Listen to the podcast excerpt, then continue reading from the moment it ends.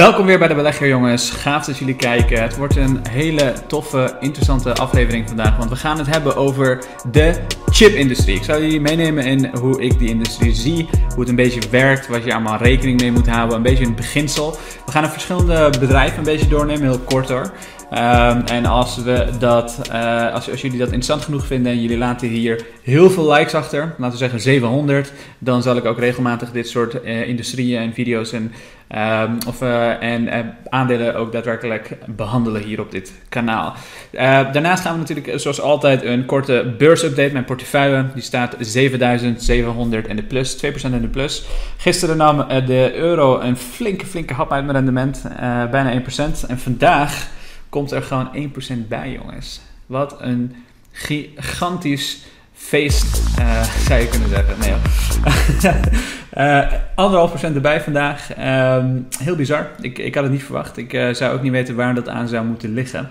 Uh, ik denk dat die markt gewoon een beetje volatiel is en zichzelf een beetje aan het uitvogelen is. Van ja, wat, wat, moeten, wat moeten we nou met al die dingen die gaande zijn met de Europese Centrale Bank en allerlei andere zaken die op een macro-economisch niveau gaande zijn. Mensen weten het gewoon simpelweg niet en dan krijg je heel veel volatiliteit, heel veel onzekerheid.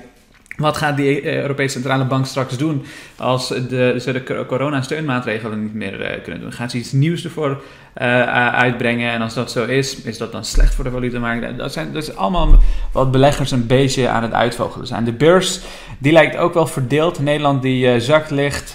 de rest van de Europa die zakt ook wel een beetje licht. Behalve Spanje en Frankrijk. Die doen het op zich best goed vandaag. De VS, die, de Nasdaq stond geloof ik best wel flink rood vandaag. Maar inmiddels is het teruggekrabbeld. Dat zie je ook hier terug. Flink uh, omhoog gaan de, af, uh, de, afgelopen paar uur. Uh, mijn portefeuille overigens ook. Ik stond 2000 in de plus. inmiddels is dat bijna 8000. En het lijkt alsof het elke dag wel een all-time high is. op Instagram worden mensen denk ik gek van al die all-time high posts elke dag. Maar goed, het is elke dag all-time high. 388k. Ik had nooit verwacht een aantal jaar geleden dat ik op 388k zou staan vandaag mensen. maar goed, het is wel gelukt. Laten we kijken naar de AX. ASMI uh, staat bovenaan. IMCD, Accelerometer, BC. Dus eigenlijk de, de, de chipbedrijven die doen het weer uh, goed zoals altijd. Um, Signify, grote grote verliezer, stond min 9% op een gegeven moment geloof ik. Inmiddels is het iets teruggekrabbeld. Shell staat in een min. Um, Just Eat Takeaway, daar heb ik trouwens een leuk artikel geschreven op de website. Just Eat Takeaway is aan het wankelen. Die CEO die doet hele rare, hele gekke dingen. Uh, en ik heb daar even een artikel voor je over geschreven. Ik zal hem ook hier beneden in de comments plaatsen als je hem nog niet gezien hebt. Lees hem. Het is uh, interessant om in ieder geval een beeld te krijgen bij wat er in dat bedrijf uh, aan de hand is. ze zijn namelijk 43% af van hun piek. 43%, bijna de helft van die waarde is dus verdampt. En nou goed, lees dat artikel, dan weet je wat er allemaal aan de hand is bij Just Eat Takeaway. Laten we kijken wat er binnen de Nasdaq aan de hand is. Wie zijn de winnaars? eBay doet het goed, e-commerce bedrijf. Die heeft recent ook uh, kwartaalcijfers gerapporteerd. Uh, flink lagere GMV dan uh, Shopify. Als je mijn video van gisteren hebt bekeken, dan weet je wat dat inhoudt, GMV. Um, Facebook die doet het vrij goed. Gisteren ook overigens na die Metaverse update. En het grappige is, na de Metaverse update is er een bedrijf die genaamd Meta Materials. Uh, en Matt, die is gewoon ja, 10% gestegen die dag. Omdat heel veel beleggers dachten dat dat, dat, Facebook is. beleggers zijn soms toch ook vrij, vrij unieke, unieke wezens. zonder, zonder onderzoek te doen, namelijk je geld erin in, in zoiets stoppen. Maar goed, Um, interessant wat er ook in de Nasdaq aan de hand is. Uh, Nvidia die blijft, maar, uh, blijft maar stijgen. Die gaan we zo, zo meteen ook even kort uh, doornemen. Ik heb hier ook eerder een video over gemaakt trouwens, een tijd terug als je hem nog niet gezien hebt. maar Nvidia is echt een cash cow voor mij jongens. 35.000 euro heb ik ermee verdiend afgelopen jaar. Um, ehm, 15.000 euro is gewoon verdrievoudigd na bijna verdrievoudigd, laat ik het zo zeggen. Uh, in totaal een waarde van 52.000 euro in mijn portefeuille. En dat maakt het een van de grootste posities die ik op dit moment, uh, moment bezit.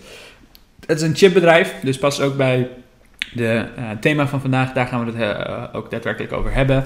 Maar eerst Microsoft. Microsoft is een van de Zoals ik ook zei trouwens eh, een paar video's geleden, uh, vlak voor de earnings, voor, vlak voor de kwartaalcijfers. Dit wordt een van de grootste bedrijven ter wereld en blijft waarschijnlijk ook een van de grootste bedrijven ter wereld voor de komende 5 à 10 jaar.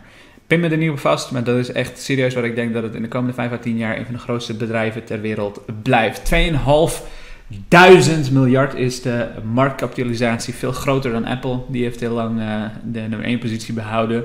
Maar je ziet, ja, dit jaar heeft uh, Microsoft zichzelf gewoon onderscheiden. 60% gestegen in het afgelopen jaar.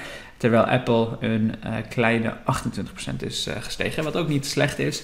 Maar tegenover Microsoft is het, is het minder. Um, heel gaaf om te zien. Mijn oud werkgever, trots op ze. En ik hoop dat die medewerkers blijven keihard blijven werken, zodat ik nog meer geld verdien. En dat is onderaan de streep als je een aandeel bezit, je bent deels eigenaar en al die medewerkers die werken er, zodat wij een goed rendement behalen. Dus dankjewel aan al die, aan al die medewerkers. Eigenlijk moeten we bij ieder bedrijf die het goed doet, uh, al die medewerkers uh, gaan bedanken. Um, nou goed, laten we het hebben over de chip-industrie. Chip-industrie is booming, is hot. Um, ik was ook een tijd geleden op eh, BNR. Uh, dat was ongeveer 3 mei. En daar heb ik ook uh, um, al gezegd, voordat die hele chip gebeuren um, cool was, of voor, voordat iedereen in die chipindustrie wilde beleggen, zei ik al dat het waarschijnlijk de volgende crisis zou kunnen veroorzaken. Luister maar even wat ik toen zei. In een zak, maar dat ding in een computer. Ja, niet chips die je bij de Albert Heijn kan kopen. daar is geen tekort aan? Nee, nee gelukkig uh, niet. Maar uh, dit is nieuws wat ik al heel lang volg. En uh, we zitten natuurlijk al in een crisis, in een pandemie, gezondheidscrisis. Maar de volgende crisis die is zichzelf een beetje al aan het voorbereiden, als je het zo ziet. Zeker als je de meeste economen moet geloven. Dat is de wereldwijde chiptekort. ik denk dat we heel erg onderschatten hoe belangrijk dit is. Als je kijkt alleen naar uh, een auto bijvoorbeeld. Heel veel autofabrikanten hebben hun productie stilgelegd. Heeft miljarden gekost voor die autofabrikanten. Um, er zitten 3000 chips in één auto. En... Als je daar alleen naar kijkt, als je kijkt naar gewoon in, uh, hier in de studio bijvoorbeeld, uh, alle monitors, alle microfoons, mm -hmm. alle muizen, toetsenborden, alles heeft een chip nodig. En wat je nu aan het zien bent, is dat we simpelweg een tekort hebben, waardoor die prijzen omhoog gaan, waardoor inflatie waarschijnlijk ook omhoog gaat. En er zijn heel veel mensen die zeggen dat dat waarschijnlijk de volgende crisis kan uh, gaan veroorzaken. Ja jongens, ik zei het 3 mei al, daarna is het cool geworden en praat iedereen erover, maar Um, het, het, kan daadwerkelijk, eh, dat, dat hele chiptekort kan en heeft, is al een crisis aan het veroorzaken, als het ware. Als je uh, één of twee kwartalen van economische krimp hebt, en die kant gaan we gewoon simpelweg op met al die uh, supply chain issues, waar de chipsector een heel groot crisis, of een heel groot um, gedeelte in bijdraagt. Als je kijkt naar Apple, ik wilde een iPhone 13 uh, bestellen omdat ik mijn uh, oude telefoon van mijn werkgever kwijtraak of ben kwijtgeraakt. dan duurt het tot en met eind november. Dat is een maand lang, meer dan een maand zelfs. nou, een maand lang eigenlijk. Ehm, duurt het gewoon een maand lang om überhaupt aan een nieuwe iPhone te komen. Omdat ze simpelweg achterlopen. Er zijn weinig chips. Apple die heeft ook kwartaalcijfers gerapporteerd. En die heeft laten weten dat ze 6 miljard zijn kwijtgeraakt alleen al aan het tekort van chips. 6 miljard aan omzet kwijtgeraakt. Dus uh, het is wel degelijk een serieus, uh, serieus issue. Um, maar hoe werkt die industrie nou eigenlijk? En hoe kan je er als belegger mee profiteren? Nou, als je wil profiteren, dan ben je misschien wel een beetje te laat.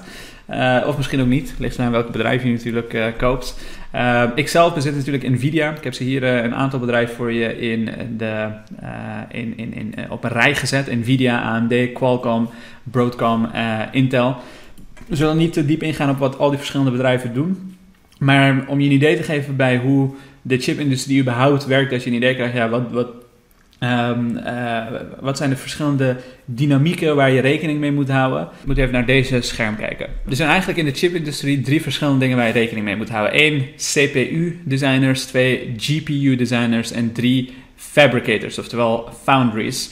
Uh, CPU-designers zijn mensen die uh, als het ware een tekeningetje maken of iets dergelijks. Uh, tegenwoordig uh, op de computer, heel lang geleden werd dat ook gewoon op een kladblok gedaan. Intel, de eigenaar daarvan, is iemand die Moore's Law, waar Moore's Law naar vernoemd is. die zat dat gewoon simpelweg op een kladblokje te tekenen. Maar goed, dan gaan we zo meteen even doornemen. Maar drie verschillende dingen. Dus CPU-designers, Avgo, dat is Broadcom, Apple... ook Tesla trouwens tegenwoordig, AMD Qualcomm, IBM, Samsung en Intel die designen hun eigen chips. Dus die gaan op een tekeningetje, kladblokje, schrijven hoe die chip eruit moet komen zien, wat allemaal verschillende dingen zijn die erbij komen kijken. En dan gaat een global foundry, zoals bijvoorbeeld Taiwan Semiconductor Manufacturing Company, TSMC, of een Samsung of Intel zelf, die maken hun eigen chips, of allerlei andere global foundries, die maken de chips. Um, hetzelfde geldt voor GPU-designers. Er zijn er uh, vrij weinig van. Nvidia is daar gewoon simpelweg even de beste in. En dat blijft waarschijnlijk heel lang ook zo. Grootste concurrent is AMD. Vroeger was dat Intel. Uh, Intel die stelt eigenlijk niets, niets meer voor. En AMD die maakt wel serieuze kans met, uh, met hun GPU's. Um, ehm, uh, maar goed, Nvidia is daar gewoon simpelweg een van de betere en beste spelers. En uh, GPU is een grafische kaart in je, in je PC of uh, laptop. Waarschijnlijk als je laptop hebt gekocht, zeker als je een specialistische laptop nodig hebt. zoals bijvoorbeeld van het maken van dit soort YouTube-video's of games en dergelijke. Dan heb je gewoon een sterke GPU nodig. Ik heb zelf de GeForce RTX 3080 bijvoorbeeld. Um, en een Intel Core CPU. Maar AMD die, die, maakt die, die pakt die markt uh, een beetje in. Maar ik hoop dat je in ieder geval een beter beeld geeft bij die gehele industrie. CPU-designers, GPU-designers en fabricators. Nu heeft Intel zijn eigen, die zit een beetje in zijn eigen wereldje. Die is, uh, als je mijn vorige video's uh, erover hebt bekeken, Intel die gaat eigenlijk voor het eerst ook een foundry beginnen. Waarmee ze dus chips maken voor andere type bedrijven. Dat maakt hun markt opeens veel groter. En dan gaan ze ook concurreren met bedrijven zoals TSMC en dergelijke. Uh, en dan wordt Intel misschien ook wel een interessant dividendbedrijf. Dat, dat, was mijn uh, theorie ongeveer.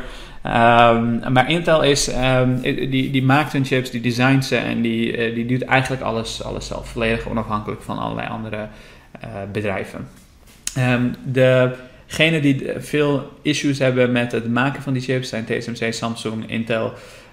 die, die, die, hebben de meeste, ja, het meeste bijgedragen aan de hele supply chain uh, issue als het ware. Die hebben simpelweg niet genoeg fabrieken om te kunnen, uh, om te kunnen zorgen dat we kunnen voldoen aan al die uh, verschillende chips die we eigenlijk missen.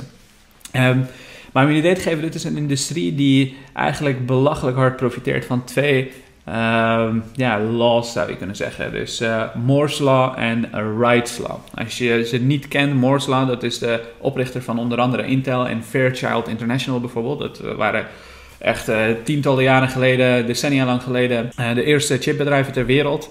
Uh, die had simpelweg gezien dat voor, als je historisch zou kijken, dat elk twee jaar het aantal processors in een chip simpelweg verdubbelde. Dus de rekenkracht van die chips verdubbelde elk twee jaar. En dat is iets wat ervoor gezorgd heeft dat we nu eigenlijk zulke geavanceerde chips hebben. Uh, dat is trouwens geen uh, wetenschappelijk iets. Het is puur op basis van ervaring en kennis en kunde. Zie je ongeveer iedere twee jaar gewoon simpelweg veel betere chips. Een verdubbeling zelfs in, in, in, de capaciteit. En, um, en um, maar het is wel simpelweg iets wat je kunt observeren. Het is iets wat bestaat, het is echt, het is volledig gemeten. maar Moore's Law, die zorgt er ook voor dat Wright's Law uh, dat, dat, uh, dat, de, de, de, de chipindustrie ook van Wright's Law profiteert. Namelijk van iedere keer dat productie cumulatief verdubbelt, verlaag je ook de kosten per chip. En die twee combinaties zijn zo sterk geweest dat we één belachelijk goede chips hebben kunnen produceren over de afgelopen jaren. Waardoor we in een wereld zitten waar letterlijk in alles wat je kunt bedenken chips zitten en allerlei slimme apparaten hebben.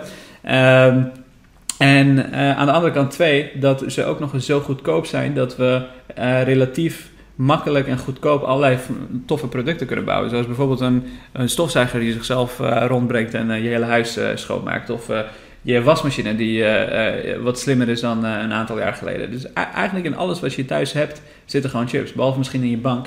maar dat zal waarschijnlijk ook niet lang duren voordat, die, voordat dat soort zaken er komen.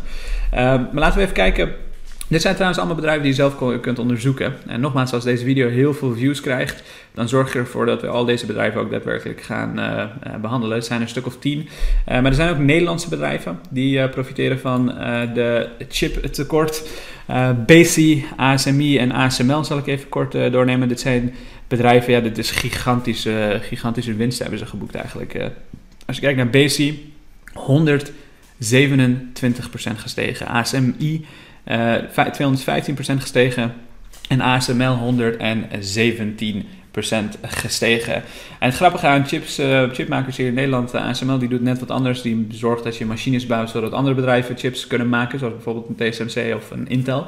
Um, maar Besi en uh, ASMI die, maken, die designen en maken hun eigen chips. Dus um, uh, ook in Nederland heb je heel interessante bedrijven. En dat maakt het een totaal ongeveer 10 verschillende bedrijven waar je aan de slag mee kan en even kan gaan onderzoeken. Um, en als deze video echt heel veel likes krijgt, dan zal ik ook een aantal behandelen in de toekomst. En daarmee Dank voor het kijken. Ik hoop dat je het een interessante aflevering vindt. En laat even een like achter. Laat ook even een comment achter, want dan gaan heel veel mensen dit soort gave content blijven zien. Dan help je mij ook mijn kanaal eh, te laten groeien. En, en dan zal ik je eeuwig dankbaar zijn.